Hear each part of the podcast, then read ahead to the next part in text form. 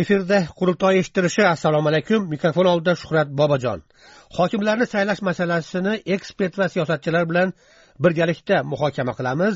O'tgan hafta nurafshon shahrida xalq deputatlari toshkent viloyati kengashining nomidan tashqari sessiyasida o'zbekiston prezidenti shavkat mirziyoyev hokimlarni bevosita saylashga hali tayyor emasmiz deya ta'kidladi. Hokimlar ham bevosita saylansin degan gaplar juda ko'p aytildi. Bundan xabarim bor. O'zim ham aytganman vaqtida lekin bir savol. Hozir biz hokimlarni saylashga tayyormizmi? Bitta mahalla raisini adolatli saylay olmaymizku? Guruhlarga bo'linib olib o'z yaqinlarimiz yoki tanishlarimizni saylaymiz. Jamiyat tayyor bo'lmagan muhitga bunday savollarni qo'yish xiyonat emasmi? Men ham hokimlar saylanishini juda juda xohlayman lekin ammo kimni saylaymiz?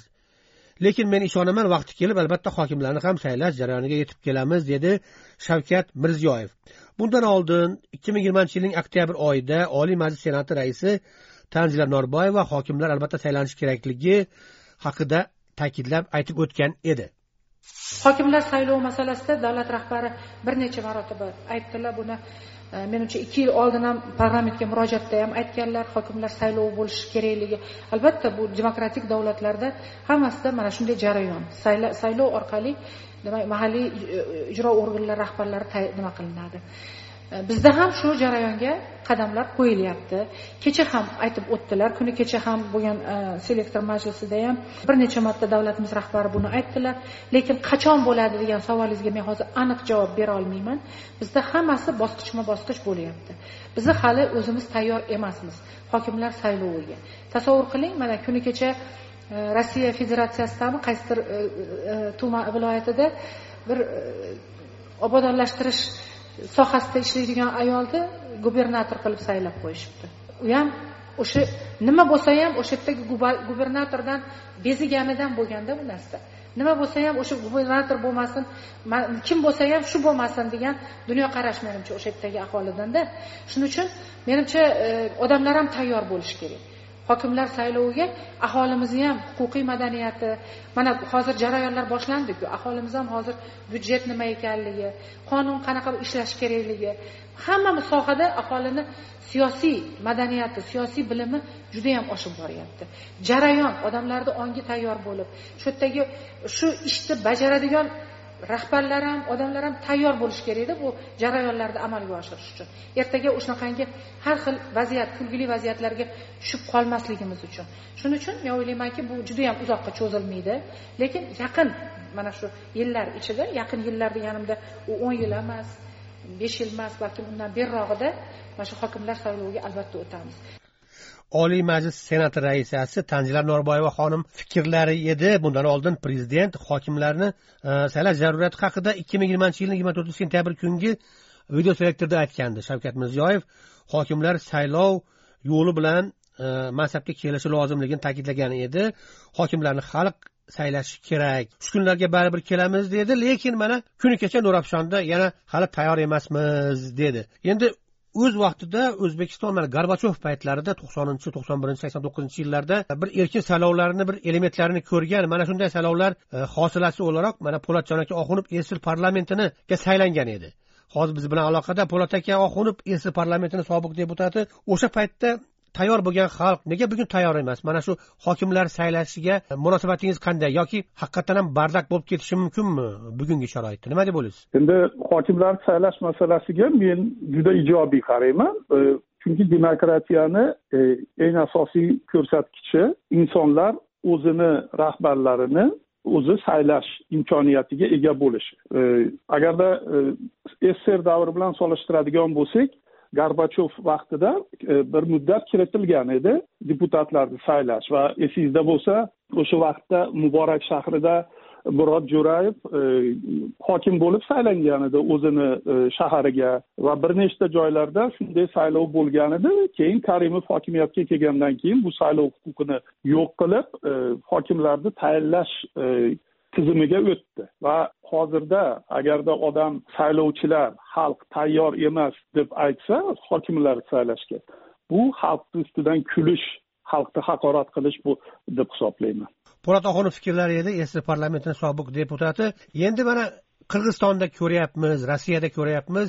Guruch tarqatishadi kalish tarqatishadi. Kim boy bo'lsa menga ovoz beringlar deb saylovni manipulyatsiya qilinadi boshqa e, demokratiyani boshqa butoqlari ishlamagan bir sharoitda masalan sud erkin bo'lmagan yoki aytaylik so'z erkinligi rivojlanmagan jamiyatlarda o'sha saylovda hokimlar saylanish rossiyada ham ko'rildi. Ozgina bardak elementlar bo'lishi mumkin. Shu narsani balki ko'zda tutgandir nima? O'zbekiston prezidenti shavkat mirziyoyev. Hozir eshittirishimizda siyosatshunos xurshid inomjonov qatnashyapti xurshidjon nima deb o'ylaysiz shu masalada? O'zbekiston bu o'ttiz yil oldingi o'zbekiston emasda mana po'lat aka zamonidagi. Shuhrat aka siz va po'lat aka o'sha sssr e, paytidagi e, gorbachov siyosati natijasida yuzaga kelgan e, ba'zi o'zgarishlarni o'sha birinchi saylovlarni esladingiz. Man shu saylov texnologiyasida ishlamagan o'sha sssr paytida ishlamagan qonunlarga ham bir e'tiboringizni qaratmoqchi edim. Xususan o'sha gorbachov e, qayta qurish yillarida qabul qilingan qonunlardan biri davlat korxonalarida direktorlarni saylov yo'li bilan E, aniqlashtirish e, to'g'risida bir qonun qabul qilinganda bu e, qonun amalda o'sha shuhrat aka siz bir necha marta takrorlagan bardakka olib keldi. Chunki davlat o'zini korxonasiga direktor tayinlolmay qoldi. Bu birinchisi. Ya'ni siz o'zingizni mulkingizga xo'jayinlik qilolmay qoldingiz. Ikkinchi tomoni shunda bo'ldiki bu direktorlarni saylash yana ham ko'proq korrupsiyaga olib keldi chunki direktorlar o'sha zavod fabrikalarni o'zini hisobidan e, ishchilarga o'zini tarafdorlariga e, bir e, material yordam ko'rsatish orqali o'sha tovarlarni tarqatish orqali o'ziga shu tarafdorlarni qabul qildi va bu o'sha amaliyotda bir shunaqa mm, bardaka olib keldi. Oxir oqibat balki sssrni qulatgan e, kichik sabablardan biri deb aytish mumkin. Endi o'zbekistonga keladigan bo'lsak biz e, mustaqillikdan beri qattiq e, avtoritar rejimi ya'ni qaror berish mexanizmlari bir qo'lga jamlangan bir sistemada yashayapmiz. Bunday paytda albatta saylovlar o'sha qo'g'irchoq e, partiyalarni nomzodlariga ovoz berish orqali hech qanday bir e, jamiyatdagi e, real vaziyatni ko'rsatmaydi va saylovchini albatta bu demokratik jarayonda tarbiyalab borish kerak bo'ladi. Ham qo'yilgan nomzodlar ham saylovchi bu jarayonlarni amalda ko'rib E, e, borishi kerak. Endi e, biz mana shunday qattiq bir avtoritar sharoitda yigirma besh yigirma olti yil yashaganimizdan keyin o'rtaga prezident tomonidan senat raisasi tomonidan o'sha aytilgan hokimlarni saylash to'g'risidagi fikrlar o'rtaga otildi ya'ni tashlandi. Bu biroz albatta amaliyotda o'sha tarixda bo'lgani kabi qiyinchiliklarga olib kelishi mumkin. Lekin bu E, hokimlarni xalq saylamasligi kerak degan fikrga olib kelmaydi. Chunki saylovni bir necha boshqa e, mexanizmlari bor. E, buni masalan hokimlarni to'g'ridan to'g'ri hokimga ovoz berish yo'li bilan emas balki kengashlardagi partiyalarga ovoz berish va partiyalarni o'sha nomzodlari masalan partiya liderini viloyat hokimligiga tayinlash va markaz ya'ni markaziy hukumatni boshqarish ta'sir etish rechaklarini e, saqlagan holda amalga oshirish e, mumkin. Albatta bugungi eshittirishni bir vaqt hajmi bunday mexanizmlarni e, maydalab ko'rib chiqishga yo'q vaqt qolsa to'xtalamiz xurshidbek. Endi o'sha bardak masalasi ya'ni bosh boshdoqlik masalasini qirg'izistonda ko'rdik. Qirg'izistonda ochiqchasiga ovoza sotilayotganligini monitor qilingan va rossiya bundan voz kechdi. Hokimlarni saylashdan shu bois. Mana yana o'sha gorbachov davridagi saylovlardan bittasi o'zbekiston prezidentlikka saylov bo'ldi. Mana hozir muhammad solih e, bilan bog'landik. Demak muhammad solih siz mana sovet e, davridan keyingi o'sha gorbachov davridan keyingi o'zbekiston mustaqilligining ilk yillarida o'zbekiston prezident saylovlarida qatnashdingiz va mana e, eshittirishda aytilyaptiki turli e, E, bosh boshliqliklar bo'lishi mumkin. Mana jahongir ortiqxo'jayev aytyaptiki referendum bu men dedi mana голубой kupolani buzilish masalasida. Har qanday saylovni boshqarish mumkin va buni moliyalash mumkin bo'lgan e, davrda shu e, mirziyoyevni gaplarida asos yo'qmi ya'ni hokimlarni saylash masalasida? Nima deb o'ylaysiz? Bunday bunday tahlika ya'ni bunaqa voqealarning bunaqa rivoji ham bo'lishiga hech kim bo'lmasligiga hech kim kafolat berolmaydi albatta. Lekin bu degani demokratiyaga demokratiya sari odim otmaslik kerak degan gap emas. Biz bu narsani butun risklarni bo'ynimizga olib birinchi qadamni tashlashimiz kerak. Ya'ni hech bo'lmasa sinab ko'rishimiz kerak. Biz sinab ko'rdik avtoritar mana xalq tayyor emas demokratiyaga dedik. Boshqa butun bu salbiy o'sha jihatlarni hammasini sinab ko'rildi va buni natijasi bugun yo'q. Endi biz sinab ko'rmagan bir yo'lga o'tishimiz kerak. Xalq o'zi o'zining rahbarlarini saylab olish imkoniyati berish kerak xalqqa. Buni buni ham bir sinab ko'rsin xalq bu nima degani? Yo'q unday bo'ladi bunday bo'ladi deb faqat o'zlarining diktaturasini bular oqlaydi bu zolimlar bering xalqqa bir erkinlik berib ko'ring bir marta sinab ko'ringchi saylab oladimi olmaydimi? Demak siz o'sha hokimlarni saylanish tarafdorisiz. Shunday tushundimmi? To'qson birinchi yil men prezidentlikka nomzod bo'lib ko'rsatilganimda o'sha bizning programmamizda hokimlarni ham saylash haqida modda bor edi programmamizda ya'ni bizning o'sha ko'rishimiz doim butun rahbariyat boshdan oyoq umuman xalq tarafidan tanilgan xalq tarafidan tan olingan insonlardan e, e, tashkil topish kerak degan bir e, qarash bizda mavjud edi. Bugun ham bu qarashimiz o'zgargani yo'q. Agar mirziyoyev buni o'n oltinchi yil va'da berib bugun bu narsadan taniyotgan bo'lsa demak o'sha avtoritar o'zining hokimiyatini karimov kabi bitta o'sha yakka qo'ldan boshqarish hirsidan demak voz kechgani yo'q bu hirs yana e, e, e, ham kuchayib boryapti demak menimcha xalq xalqimiz o'zini boshqaradigan o'ziga xizmat qiladigan rahbarlarni saylab olish salohiyatiga ega bo'lishi kerak va ba'zilar xalqimiz hali bunaqa narsaga tayyor emas falan deb demagogiya qilishadi yuqoridagilar ham menimcha mirziyoyev ham shunaqa deb o'ylasa kerak xalqimiz tayyor emas bu demokratik saylovlarga deb aslida men o'sha bu gapni o'ttiz yil oldin ham aytgan edim. Xalq o'z rahbarlarini saylab olishga tayyor ammo rahbarlar bunga tayyor emas. Bugun rahbar bo'lgan odamlar xalqqa ishonmaydi. Xalq esa kimni saylab olishni biladi. Agar bilmasaydi o'sha to'qson birinchi yil bizning hech qanday bizning pulimiz bo'lmagan holda bizning tayyorgarligimiz bo'lmagan holda o'sha to'qson birinchi yil prezidentlik saylovlarini biz yutmas edik. Ya'ni bu o'sha paytdagi xalq bugun ham mavjud bugun ham o'sha o'zini o'ziga ma'qul bo'lgan rahbarni saylab olishga qodir bizning xalqimiz. Muhammad soliq erk demokratik partiyasi raisi endi mana e, rahbarlar tayyor emas dedi muhammad soliq eshittirishimizda konimeh tumani sobiq hokimi ismoil aka osmanov ishtirok etyapti. Ismoil aka rahbarlar tayyor emasmi mana saylovga? Mana siz o'zingiz tabib tabib emas boshidan kechirgan tabib deydiku o'zingiz mana hokim bo'lgansiz. Nima deysiz shu gapga? Ismoil aka. Endi saylovga xalq tayyor emas degan gap bu xalqqa nisbatan nima deymiz kamsitish askarbilaniya bu xalq tayyor. Bu yo'q xalq tayyor ho'p o'zingiz tayyormisiz rahbarlar? Rahbarlar tayyor emas degan narsa bu tushunish kerak. Bu diktaturani saqlab qolish man mana yetti yil tuman hokimi bo'lib ishlaganman ancha ilgari karimov davrida. Xalq hozirgi kunda o'zi rahbarini saylashga tayyor bo'ldi. Ha bir ikkita xatolar bo'lishi mumkin bu tabiiy narsa. Endi umuman xalq tayyor emas даже haligi fuqarolar yig'ini raisi oqsoqolni saylashga tayyor emas degan bu xalqqa nisbatan hurmatsizlik. Bitta rayonga to'rtta beshta odamni e, haligi tayyorlab yo bo'lmasa chiqib shu yerda o'zlari ularning programmasini eshitib saylashga xalqni qurbi yetadi. Unga hech qanaqangi to'sqinlik yo'q. Bu haligi hozirgi tayinlanib qo'ygan hokimlar viloyat hokimi bo'ladimi tuman hokimi bo'ladimi ular faqat prezident apparatiga prezidentgagina bo'ysunadi. Xalqni mensimaydi ko'ryapmizku xalqni voy dodini eshitadigan hokimlar yo'q.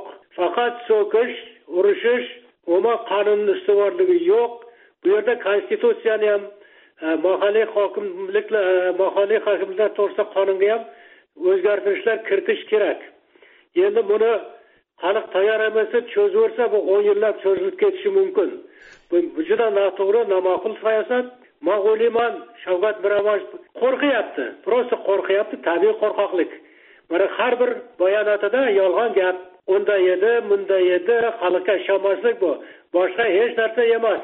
Xalqqa ishonmaslik juda yomon narsa. Prezidentni saylash mumkin ekanku hokim bilan e, hali fuqarolar saylashga xalqni aqli yetmas ekan. Bu bu juda katta xalqqa оскорбление bu. Man shunday deb o'ylayman. Ismoil aka tayyor ha tushundim. Ismoil aka mana bitta savolni o'rtaga qo'ydida prezidentni saylash mumkin e, lekin nima saylash? O'z vaqtida islom karimov sizni tayinlagan a shunaqami? Endi o'sha paytda shunday bu yerda bunday bo'lgan ekan. Man e, o'sha paytlarda hokim bo'lmasdan ilgari prezident apparatida ishlagan odamman. Undan keyin man agropromda yurganimda man o'zim ham bilmaganman shu yerdan mani o'sha odam bo'ladi degan. Shunday bo'lib keldi. Bu hozir ham xuddi shunday. Hokimlarning nomenklaturasi prezident apparatida ko'rilib undan keyin prezident dabro bergandan keyin o'tadi. Lekin o'z vaqtida bilasan tanlamaydi. judayam mamnun bo'lmagan. Tekshirib tekshirib hokimlarni qo'yardi keyin o'g'irlik qilib qamalgan paytda afsuslangan paytlari bo'lgan. Mana arxivimizda islom abdug'aniy o'sha marhum prezidentni ovozi bor eshitib ko'rsak. O'zim xijolat nima deganda man bir odamni tavsiya qiladigan bo'lsam javobgarligini albatta sezaman. Ya'ni buni qancha aylantirib aylantirib kimlardan ham aytaylik so'raydigan joyim bo'lganini bilasizlar ko'pchilik biladi. Lekin ayni shu paytda manga ishonib mana sizlar e, aytaylik ba'zi bir rahbarlarni ovoz berasizlar ishonch bildirasizlar va hokazo. Lekin mas'uliyat baribir mandayu manga ishondinglar. Ana shuni man juda chuqur sezaman va o'zim uchun eng og'ir eng og'ir mas'uliyat deb bilaman. Islom abdug'aniyevich karimov o'zbekiston birinchi prezidentini e, ovozi edi va bu ovozdan sezyapmizki o'zini oqlamagan mana shu e, tayinlash. Chunki tayinlab qo'yadi hamma narsani bitta odam boshqara olmaydiku po'lat aka e, nima deysiz siz? Bir yechim bormi bugungi holatda endi? O'tmishda emas bugungi holatda. Yechim albatta bor E, bu yechim o'zbekiston konstitutsiyasida ham yozilgan asosiy hokimiyat xalqda. Xalq o'zi saylovlar orqali o'z vakillarini saylab boshqaruvda qatnashish huquqiga ega. Lekin prezident bugun aytgan gapi konstitutsiyaga ham qarshida chunki konstitutsiya orqali xalqqa har bir fuqaroga huquq berilgan. O'z vakillarini saylab davlat e, davlatni rahbar davlat rahbarligida qatnashish. Hozir o'zbekiston xalqi rahbar davlatga ta'sir qilish davlatni boshqarish ishlaridan chetlashtirilgan va shuni agarda hokimlarni saylash imkoniyatini kiritilsa xalqqa yana qaytadan huquq beradi davlat boshqarishida qatnashish uchun. Lekin buni boshqa tomoni borda shuhrat aka. O'tmish deyapmiz lekin e, xalqdan bu o'z vakillarini saylash huquqi e, ellik yil oldin yoki gorbachov oldin yuz yil besh yuz yildan beri olib qo'yilganda mana amir temur davrini oling undan oldingi davr hech qachon xalqda o'z vakillarini saylash huquqi bo'lmagan bizni mintaqamiz. Shu tomonini o'ylashimiz kerak. Agarda hozir biz hokimlarni saylash endi monarxiya bo'lganda endi u paytda monarxiya o'sha monarxiya meros qolgan. Ya'ni bu yerda monarxiyalar bo'lgan. Hozir demokratiyaku endi hozir demokratiyada ham monarxiya usulida boshqarilyaptida. Xalq tomoshabin boshqa odamlar davlatni boshqaryapti xalq davlat boshqarishida umuman qatnashmayapti. Va hattoki xalq o'zini bitta mahalla komitetini raisini saylolmaydi deb bu xalqni ustidan kulinyaptida bu juda e, katta xato gap e, bo'ldi deb o'ylayman. Chunki e, prezident mirziyoyevdan juda katta umid bor ediki hokimlarni saylovini qaytarsa juda katta tarixiy o'zgarish qilishi mumkin edida renessans degan so'zni ko'p gapirildi. Shu xalqni o'z vakillarini saylash huquqlari o'ldirilgan edi. Shu huquqlarni tiriltirib qaytarib renessans qilib xalqqa qaytarib bersa tarixiy ish qilgan bo'lardi. Lekin bu gaplardan hozir tushundimki prezident mirziyoyev bu niyatidan qaytgan va yaqin orada hokimlarni saylash huquqini xalqqa qaytarib berish e, yoki xalqqa berish e, niyati yo'q deb tushundim gaplarini.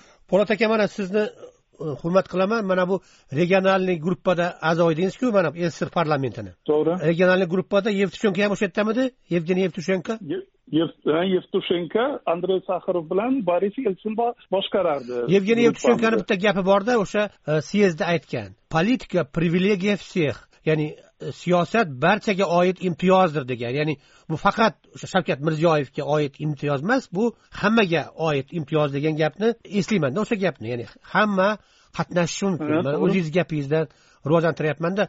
Lekin mana ismoil aka osmonov aytdiki nega hokimni saylashga xalq tayyor emasu lekin prezidentni saylashga tayyor. Bu savolni e, ijtimoiy tarmoqlarda ham ko'p odamlar askiya qilib beryapti. Bir qitmir savol bo'lyaptida bu. Mana Э, mana solih aka nima deysiz shu qitmir savolga? Prezidentni saylasa bo'ladi lekin hokimlarni saylab bo'lmaydi. Albatta qitmir savol emas to'ppa to'g'ri savol. Juda mantiqiy savol. Ya'ni nega prezidentni saylab bo'ladiyu nega hokimni saylab bo'lmaydi? Nega shunaqa katta haligi полномочияларga shunaqa kafolatlarga ega bir e, nima uchun maqom uchun saylov bo'ladiyu undan kichikroq risk ham ozroq bo'lgan maqomga saylov bo'lmas ekan. Absurd bu narsa haqiqatdan to'g'risi to'g'ri qo'yishgan nimani? Mana bular saylov bo'ladi deyapti oktyabrda falan ammo qarang bu bu saylovda ham yana o'zlarining e, hukmini o'tkazmoqchi mana bechora bir ikkita odam chiqib men prezidentlikka o'zim nomzodimni qo'yaman desa qarshilikni ko'ring endi. Xuddi xuddi haligi nimaga o'xshab hujum qilishyapti o'sha bizga mana o'ttiz yildan beri davom davom etib kelayotgan o'sha tazyiqning o'sha davomini mana bu hozir hali ro'yxatga olinmagan. Otini endi eshitganimiz odamlar sal ko'chaga chiqib bir ikkita majlis o'tkazishga uringan edi unga yana hujumlar boshladi. Butun trollarni qo'ydi. Shallaqlar e, xotinlar shallaq xotinlar fohishalarni olib kelib ularga hujum qilishyapti. Bu demokratiyaga bu bu endi prezidentlik saylovining saylovini xalqning saylashi mana shunday boshlanishi kerak. Muhammad solih fikrlari edi. Ismoil aka osmanov qo'ydi bu savolni o'sha nega prezident e, saylasa bo'ladiyu hokim saylasa bo'lmaydi? deb. Ismoil aka o'zingiz javob bering endi savolga. Siz o'zingiz ham mana savol akani eshitdingiz bu man demokratiyani o'rnatmayman diktatura qolaveradi deganni nimasi? Aytilgan gap shu. Shu bizda demokratiya bo'lmaydi degani buni shunday tushunish kerak. Man demokratiya bo'lganini karimdan keyin mana o'zi boshlagan bo'lsa shavkat miromonovich bironta joyda ko'rganim yo'q. Bironta joyda. Bu mening shaxsiy fikrim. Bu holda shavkat miromonovich e, demokratiya qilish niyati yo'q. Qishloq rayonlarda shaharlarda viloyatlarda hokimlarni saylash kerak faqatgina saylash kerak. Buni hech qanaqa dramat yo'q dramatikasi. Xato bo'lishi mumkin lekin ilgari qadam ba qadam yurishimiz kerak. Bugun kecha boshlash kerak edi bu ishni. Buni yana e, haligi bir necha yilga cho'zib haligi norboyev aytyapti besh olti yildan keladi. Tuyani bu yerga tekkanda ham bo'lmaydi bunaqa nima podxodda. Buni faqat boshlash kerak qo'rqmaslik kerak. Hozir rahbariyat xalqning aktivligidan qo'rqyapti. Chin ma'noda shu. Qo'rqyapti xalqni chiqishidan xalq norozi o'zini fikrini aytadi o'zini odamlarni saylab oladi markazga bo'ysunmay ketadi degan e, niyat bor. Boshqa hech narsa emas. Xalqni hurmat qilmaslik bu xalq biladi juda pishgan. Xalq juda aqlli xalq hozirgi shavkat miromonovni siyosatidan norozi. To'g'risini aytish kerak. Hech qanaqa demokratiya bo'lmaydi degan so'z bu. Mana astoydil fikrim qat'iy fikrim. Hammasini saylash kerak.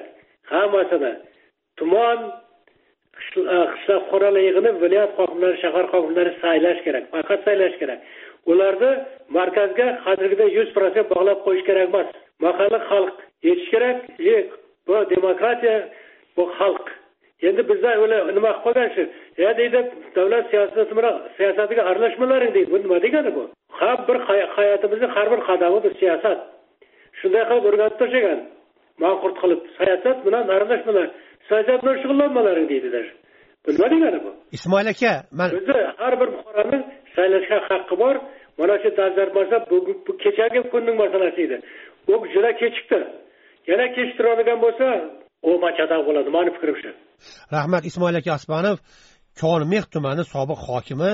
Endi e, shu o'rinda bitta narsa deb yaqinda qirg'iziston prezidenti o'zbekistonga safar qilganda aytdiki bizlar shu saylovlar bilan shug'ullanib hokimiyat siyosat bilan shug'ullanib orqada qolib ketibmiz faqat etik tozalaydigan cho'tka chiqaradigan kichkina seximiz bor ekan.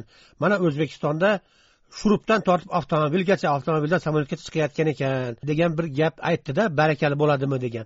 Bundan tashqari yana bitta e'tiroz bor o'zbekistonni shavkat mirziyoyev ochdi erkinlik sari qadam qo'yyapti. Va oxir oqibat eshikni yopib qo'yayotgani yo'q mana e, hokimlar saylov bilan bo'lmaydi deb. Shu ma'noda demokratiyani faqat bitta bo'g'ini bo'lgan saylov erkin bo'lib turib masalan matbuot erkin bo'lmasa yoki o'sha saylovlardagi natijalarni Э, shikoyat qilish uchun erkin sudlov tizimi bo'lmasa e, yoki qudratlar ajralmasa faqat saylovni o'zi bilan e, bo'lib qolmasa kerak degan fikrlar ham borda. Muhammad solih nima deysiz shu masalaga? Mana bitta bo'g'ini ishlatsa faqat saylov qolganlari ishlamasa yana o'sha bardak bo'lmaydimida? Mani fikrim ham boshqa mutaxassislarni ham fikri shu. Albatta o'sha uchta hokimiyat o'sha bir birini to'ldirib mustaqil shaklda ishlashi kerak bu bir aksioma ya'ni demokratik jamiyatlarda bu mexanizmlar doim ishlab kelgan hali cherchillning gapi borku o'sha e, demokratiya albatta yomon boshqaruv usuli ammo bundan ham yaxshirog'i bugun yo'q degan edi va bugun men bugun ham bu gap hali ham dolzarb va bundan boshqa bir sistema bugun yo'q kim nima desa desin. Shuning uchun bu sistemani bir marta bizni xalqimiz ham sinab ko'rsin yana bir hech bo'lmasa besh yil o'n yil o'zini boshqarib ko'rsin keyin ular o'zini iddaolarini mana biz haq chiqdik deyishi mumkin. Lekin bular yo'l bermayapti. Mana o'ttiz yildir diktatura davom etdi va yana yana o'ttiz yil davom ettirmoqchi mirziyoyev. Bu nima degani bu? Muhammad solih fikrlari edi. Endi man yosh avlod vakili xurshid inomjonovga so'z bermoqchi edim siyosatshunos xurshidjon mana bu keksa avlod vakillari biroz qattiqroq gapirishdi. Shavkat miromonovich mirziyoyevni sha'niga. Lekin taroziga qo'ysak yaxshi taraflari ham borku va gapida yana boya ham siz o'zi tushuntirishga harakat qildingiz. Buni judayam yo'q qilib eshikni yopayotgani yo'qku. Qanday qilib bor imkoniyatlardan e, foydalanib bir saylovni o'tkazsa bo'ladi? Boya bir mexanizmlarni taklif qilayotgandingiz. Xurshidjon marhamat. E, man e, hurmatli suhbatdoshlarni diqqat bilan eshitdim. Albatta ularni gaplari haq. Albatta saylov bo'lishi kerak. Bu demokratiyani asosiy tarozidan tarozilaridan biri va saylovlar adolatli bo'lishi kerak. Ya'ni saylov kuni saylov qutisiga e, borib e, beshta nomzoddan birini tanlab kelish degani bu saylov degani emas. Saylovni u nomzod qo'yishdan oldingi e, tarozilari bor. Partiyalar qanaqa tuzilgan ular erkinmi qo'g'irchoq partiyalar emasmi bu savollar bor. Umuman man o'sha aytdim oldingi gapimda buni mexanizmlari juda ko'p. Lekin adolat nuqtai nazaridan hozirgi e, e, faktlarga tayanadigan bo'lsak haqiqatdan ba'zi e, masalalarda chekinish bo'lyapti. Xususan mahallakomlarni saylash. Bizda bilasiz mahalla vazirligi tashkil etildi. Endi bundan buyog'iga mahallakomlar o'sha tuman viloyat E, hokimliklardagi mahalla vazirligini e, bo'limlari bilan kelishilgan holda nomzodlari e, qo'yiladi. Demak nomzodlar erkin bo'lmaydi hokimiyatga yoqadigan nomzodlar qo'yiladi. Bu birinchi masala. Ikkinchisi biz o'sha paytda bundan to'rt yil oldin shavkat mirziyoyev hokimiyatga kelish vaqtida yana bir taklif berilganda viloyat kengashlariga raislar saylash to'g'risida. Bu ham o'sha berilgan bu va'da bajarilmadi. Mana ikkinchi muddat yaqinlashyapti. Chunki bu hali viloyat hokimlarini saylashdan oldin qilinadigan ishlar.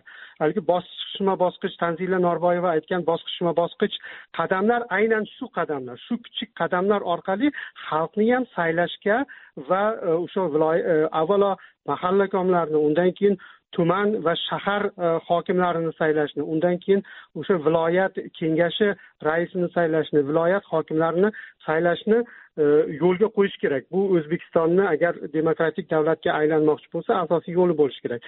Lekin e, siyosatshunoslik nuqtai nazaridan qaraydigan bo'lsak bularni barchasi prezident o'zining hokimiyatidan ma'lum bir qismini boshqalarga berishi bilan bog'liq narsa. Va bugungi kunda bu hokimiyatni boshqalarga berishga hech qanday e, ehtiyoj yo'q. Chunki prezidentga hech qanday siyosiy bosim yo'q. Va o'sha mana konstitutsiyani o'n to'qqizinchi bobi e, bu eng ko'p prezidentga taalluqli bob eng ko'p huquqlar bobi. E, agar buni eng ko'p uzun moddalari bor e, bob mana shu hisoblanadi. Bu shuning uchun agar biz man e, o'sha hokimiyat vakillari taklif qilayotgan qadam va qadam shu e, natijaga kelishga e, haligi roziman. Ya'ni to'g'ri yo'l lekin bu qadamni qo'yish kerak va lekin bugungi kunda biz buni aksini ko'ryapmiz. Endi qarangda nima xurshidjon. tashlanayotgan qadam sezilmayapti. Chiroyli gaplar aytilyapti manga yoqadi bu gaplar lekin hayotga qaytsak masalan namanganda aytaylik bitta mullani saylab qo'yish ehtimoli juda ko'p. Yoki toshkentda salim akani qaysidir kriminal dunyo vakillarini saylab qo'yish nimasi borda? O'shalarni elagi qanaqa bo'ladi? Qanaqa filtr qilamiz? Kriminalizatsiya. Rossiyada ko'rdik buni. Chunki hokimlik bu juda katta biznes bo'lib qolgan yer sotish vakolatlar boshqa narsalar degandayda o'shani elagi qanday bo'ladi? Qanaqa elak shuhrat aka man birinchi qismida aytdim albatta bu mexanizmlar bu juda murakkab jarayon. Bularni yuzaga keltirish kerak. Shuning uchun birinchi e, qadamda to'g'ridan to'g'ri viloyat hokimini xalq tomonidan saylanishi emas balki viloyat kengashlariga saylovlarni demokratlashtirish va partiyalarni rolini kuchaytirish lozim. Masalan beshta partiya saylanadi viloyat kengashiga va partiyalar bir birini e, e, nazorat qiladi. Va siz aytgan o'sha e, hokimiyatlar o'rtasidagi bir tiyish mexanizmlari yuzaga keladi. Bular ishlagan taqdirda o'sha siz aytgan va eslatib o'tgan negativ tendensiyalarni yo'qotish imkoniyati yuzaga kelishi mumkin. Bu narsa o'sha partiyalar sistemasi manimcha turkiyada ishlayapti. Mana muhammad solih aka turkiyadagi effektivmi o'sha narsa? Masalan prezident erdo'g'andan mustaqilmi? Hokimlar saylovi. Nima deysiz shunga? Juda juda juda nima juda effektiv va ular saylanadi va ular o'sha o'zining butun bu mas'uliyatni bo'yniga olib turib keyin xizmat qiladi xalqqa ya'ni. Juda go'zal sistema. Ishlab turib ishlab turgan sistema Tabii juda kamchiliklari ko'p lekin tepadan ham ham ijro hokimiyatida ishlaydi bular biznikida ham o'zlari qonun chiqaradi va qonun chiqargan qonuni bo'yicha ham o'zlari yana boshqaradi ham ijro hokimiyatida bular ham qonun tashkilmasida qonun organida bular ishlaydi ya'ni o'zlarini o'zlari o'zlariga o'zlari nima qiladi xizmat qiladi xalqqa emas. Uchta hokimiyat ham bitta odamni qo'lida va uchta hokimiyat ham bir biri uchun o'sha butun fidokorlik ko'rsatadi. Xalq uchun emas. Bizda o'zi bitta hokimiyat o'zi uchta hokimiyat degani hammasi e, yo'liga haligi nominal qo'ygan narsalar. Hech aloqasi yo'q. Hokimiyatlar birinchidan ayrilishi kerak. Biz uni davomli aytib kelyapmiz. Uni hech ayirgani yo'q ayirishni ham istayotgani yo'q. Mana bugun mirziyoyevni tutumi ham karimovnikidan battar ko'rinib turibdi. Muhammad solih fikrlari edi. Endi bir joyda aylanayotgandamizda po'latjon aka bor edi marhamat marhamat marhamat. Po'lat oxunov eski parlament sobiq deputati marhamat. Solih aka ham to'g'ri gapirdi. Mana siyosatshunos e, ukamiz ham gaplarini haqiqiy haligi e, to'g'ri e, yo'nalishda aytilgan gapda. Biz asosan shahar va tuman hokimlarini saylash haqida gapiradigan bo'lsak tumanlarda siyosiy konkurensiya bo'lishini ta'minlashimiz kerakda shuning uchun men e, bir taklif yozib hatto prezident apparatiga ham jo'natdim. Mahalliy partiyalar degan tushunchani kiritish kerak. Tuman va shaharlarda yigirma kishi o'ttiz kishi tashabbus guruh tuzib mahalliy partiya tuzish tuzish imkoniyatiga ega bo'lishi kerak va shu partiyalar o'zini nomzodlarini hokimlikka ko'rsatishi mumkin bo'lishi kerakda. Shunda e, bizda haqiqiy siyosiy konkurensiya bo'lib mustaqil e, hokimlarni nomzodini ko'rsatish e, e, yo'liga o'tishimiz mumkin.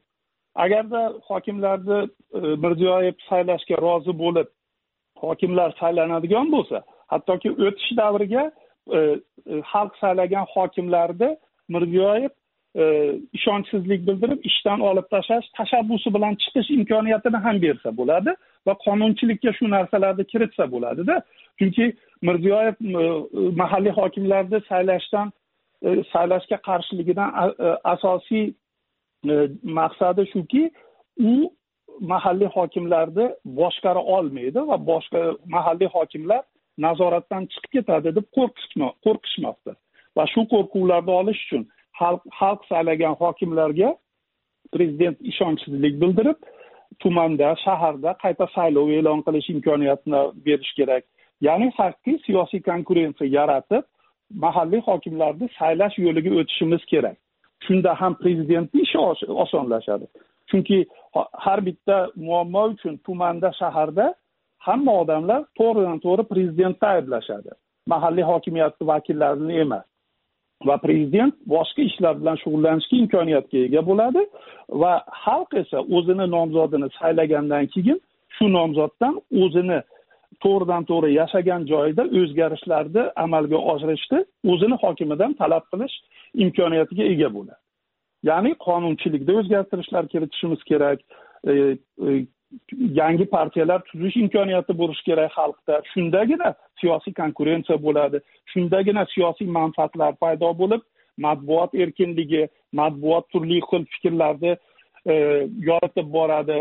Va shundagina siyosiy hayotda o'zgarish bo'ladi. Po'lat aka mana bu effektiv boshqaruv tizimi sifatida ba'zan avtoritar boshqaruv tizimi ham ko'riladi. Singapurdagi likvanyuni boshqaruvi avtoritarizm bo'lgan e, fe'lan. Va shuningdek mana bu salvador allendedan keyin chilidagi boshqaruv tizimi pinochet ham iqtisodiy ahvolni o'nglash uchun avtoritar tizimda bo'lgan va bular meva bergan. Shu ma'noda o'zbekistonday murakkab e, joyda avtoritar tizim effekt berishi e, mumkin emasmi po'lat aka? Endi tajriba ko'rsatdiki effekt bermaydi.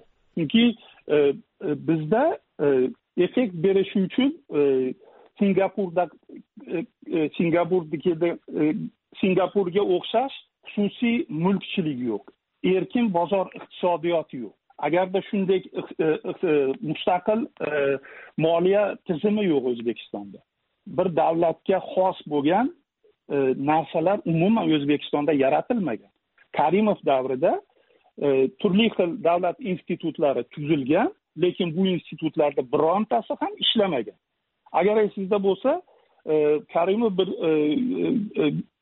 yangi mustaqil bo'lganimizda bitta moliya ministrini bir kunda ishga qo'yib bir kunda ishdan olib tashlagan. Sabab bunga nima bo'lgan?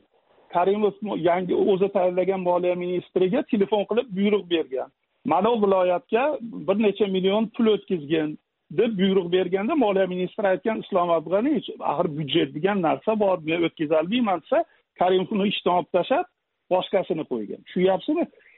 E, byudjet ishlash davlatni boshqarish mexanizmlari umuman o'zbekistonda yo'q. Shuning uchun avtoritar tizim bilan uni to'g'ri yo'lga solib ketishni o'ylashimiz va bu natija beradi deyishimiz bu xato va tajriba ham ko'rsatdiki avtoritar boshqaruv bilan o'zbekistonda ijobiy o'zgarishlarga erishish imkoniyati yo'q. Demak har doimgidek qurultoyni oxirida keladigan xulosamizga yana keldik. Ya'ni butun sohalar reforma bo'lmaguncha hech narsa o'zgarmaydi. O'zi yillar davomida mana shunaqa xulosaga kelamiz. Ismoil aka nima deysiz endi? Ismoil aspanov. Endi hokimiyat tizimlari bo'linishini ta'minlash kerak juda to'g'ri masala qo'yilgan endi e, siyosiy islohot bo'lmagan joyda hech qanaqangi demokratiya bo'lmaydi. Buni hayot tasdiqlayapti man do'stlarim fikriga qo'shilaman. Bu hozirgi avtokratiya tizimida hozirgi prezidentning aytgan gapi bu demokratiya tuzmaymiz demokratiyaga demokratiya yo'li bilan bormaymiz degan fikr buni to'g'ri tushunish kerak. Nima uchun biz katta bir davlatni bitta odamga ishonib qo'ydikda bu kichkina tumonni shu tumondagi yashaydigan odamlarga ishonmaymiz. Bu абсолютно nonsens yo xato kamchiliklar bo'lishi mumkin shu yo'l bilan ketish kerak. Demokratiyadan boshqa yo'l yo'q. Avtokratiya bu hozir bir xil joylarda feodalizm ko'p kelyapti. Mana yerga bo'lgan munosabatlarni olinglar hokimlarni ishini olinglar. Endi buni qo'rqib o'tiraversa yana mana e, oliy majlisda senatda hammasi ko'pchiligi e, hokim ijro hokimiyatining vakillari senatorlar hokim hokimlar senator yo boshqa haligi qonun chiqaruvchi palatada shu xo'jalik rahbarlari yuribdi. Bu mutlaqo noto'g'ri. Bu qonun chiqaruvchi hokimiyat o'z oldiga e, ijro hokimiyati sud hokimiyati ajralishi kerak. Bir biriga konkurent bo'lishi kerak. Endi bu bo'lmagan joyda qanaqangi endi e, saylov to'g'risida gapiramiz? Islohot bizda islohot bo'lmadi. Mulkchilik masalasi bo'yicha ham faqat davlatni bosimi bir odamni aytgan gapi bilan bo'lyapti bizdagi e, oliy majlisning ham boshqa hukumatni boshqa tarmoq sudni ham prokuratura faoliyatini ko'rmaymiz. Bu juda yomon holatlarga olib keldi. Bundan ortiq chidab bo'lmaydi bunga. Mani fikrim shuki bu naborot aksiga olib orqaga ketyapmiz biz. Orqaga. Buni haligi bo'lmay ekan saylab bo'lmay ekan degan gap bu qip qizil safsata yana bir marta xalqni qilish. Qanaqa yo'l bilan bo'lsa ham qilsin. Bu masalani muhokama qilish mumkin qonunlarni o'zgartirish mumkin maslahat qilish mumkin yangi partiyalar tuzish mumkin. Hozirgi partiyalar bu partiya emas buni hamma biladi. Bunaqa holatda bo'lmaydida endi. Mayli ismoil aka mana e, bizga aytishyaptiki e, ko'pincha xat yozishadi e, o'zbekiston prezident administratsiyasidagi bizani do'stlarimiz aytadiki sizlarni ozodlikni e, shavkat miromonovich eshitadi deydi. Agar eshitib turgan bo'lsa bugun po'latjon oxunov ham eski parlamentni sobiq deputati. O'zbekiston e, prezidentlik saylovlarida islom karimovga e, raqib bo'lgan o'zbekiston muxolifati lideri erk demokratik partiyasi raisi muhammad solih ham siyosatshunos xurshid inomjonov ham mana ismoil aka osmanov hammasi hokimlarni saylash kerak dedi. Ya'ni hammani gap shu ma'noda e, o'zbekiston prezidenti eshitib xulosa chiqarar degan bizlar ham umidimiz. Bor eshittirishimizni yana e, davom ettiradi lekin vaqtimiz kam. E, Qurultoy eshittirishi bilan shuhrat bobojonov olib bordi pragadan. Yana bir narsani aytib qo'ymoqchi edim. Mana oliy majlis senati raisi tanzila norboyeva o'tgan yil oktyabr oyida gapirganda albatta qudratlar bo'linishini qonun chiqaruvchi va ijro hokimiyati bitta joyda o'tirmasligini va'da beruvdi. Buni ham. Ya'ni buni ham kutamiz. Va bu va'dani bir o'n yil emas shu besh yil uch yil ichida qilamiz dedi. Yaxshilikdan umidvormiz hammaga. Rahmat tinglovchilar nomidan. Sog' bo'linglar. Rahmat.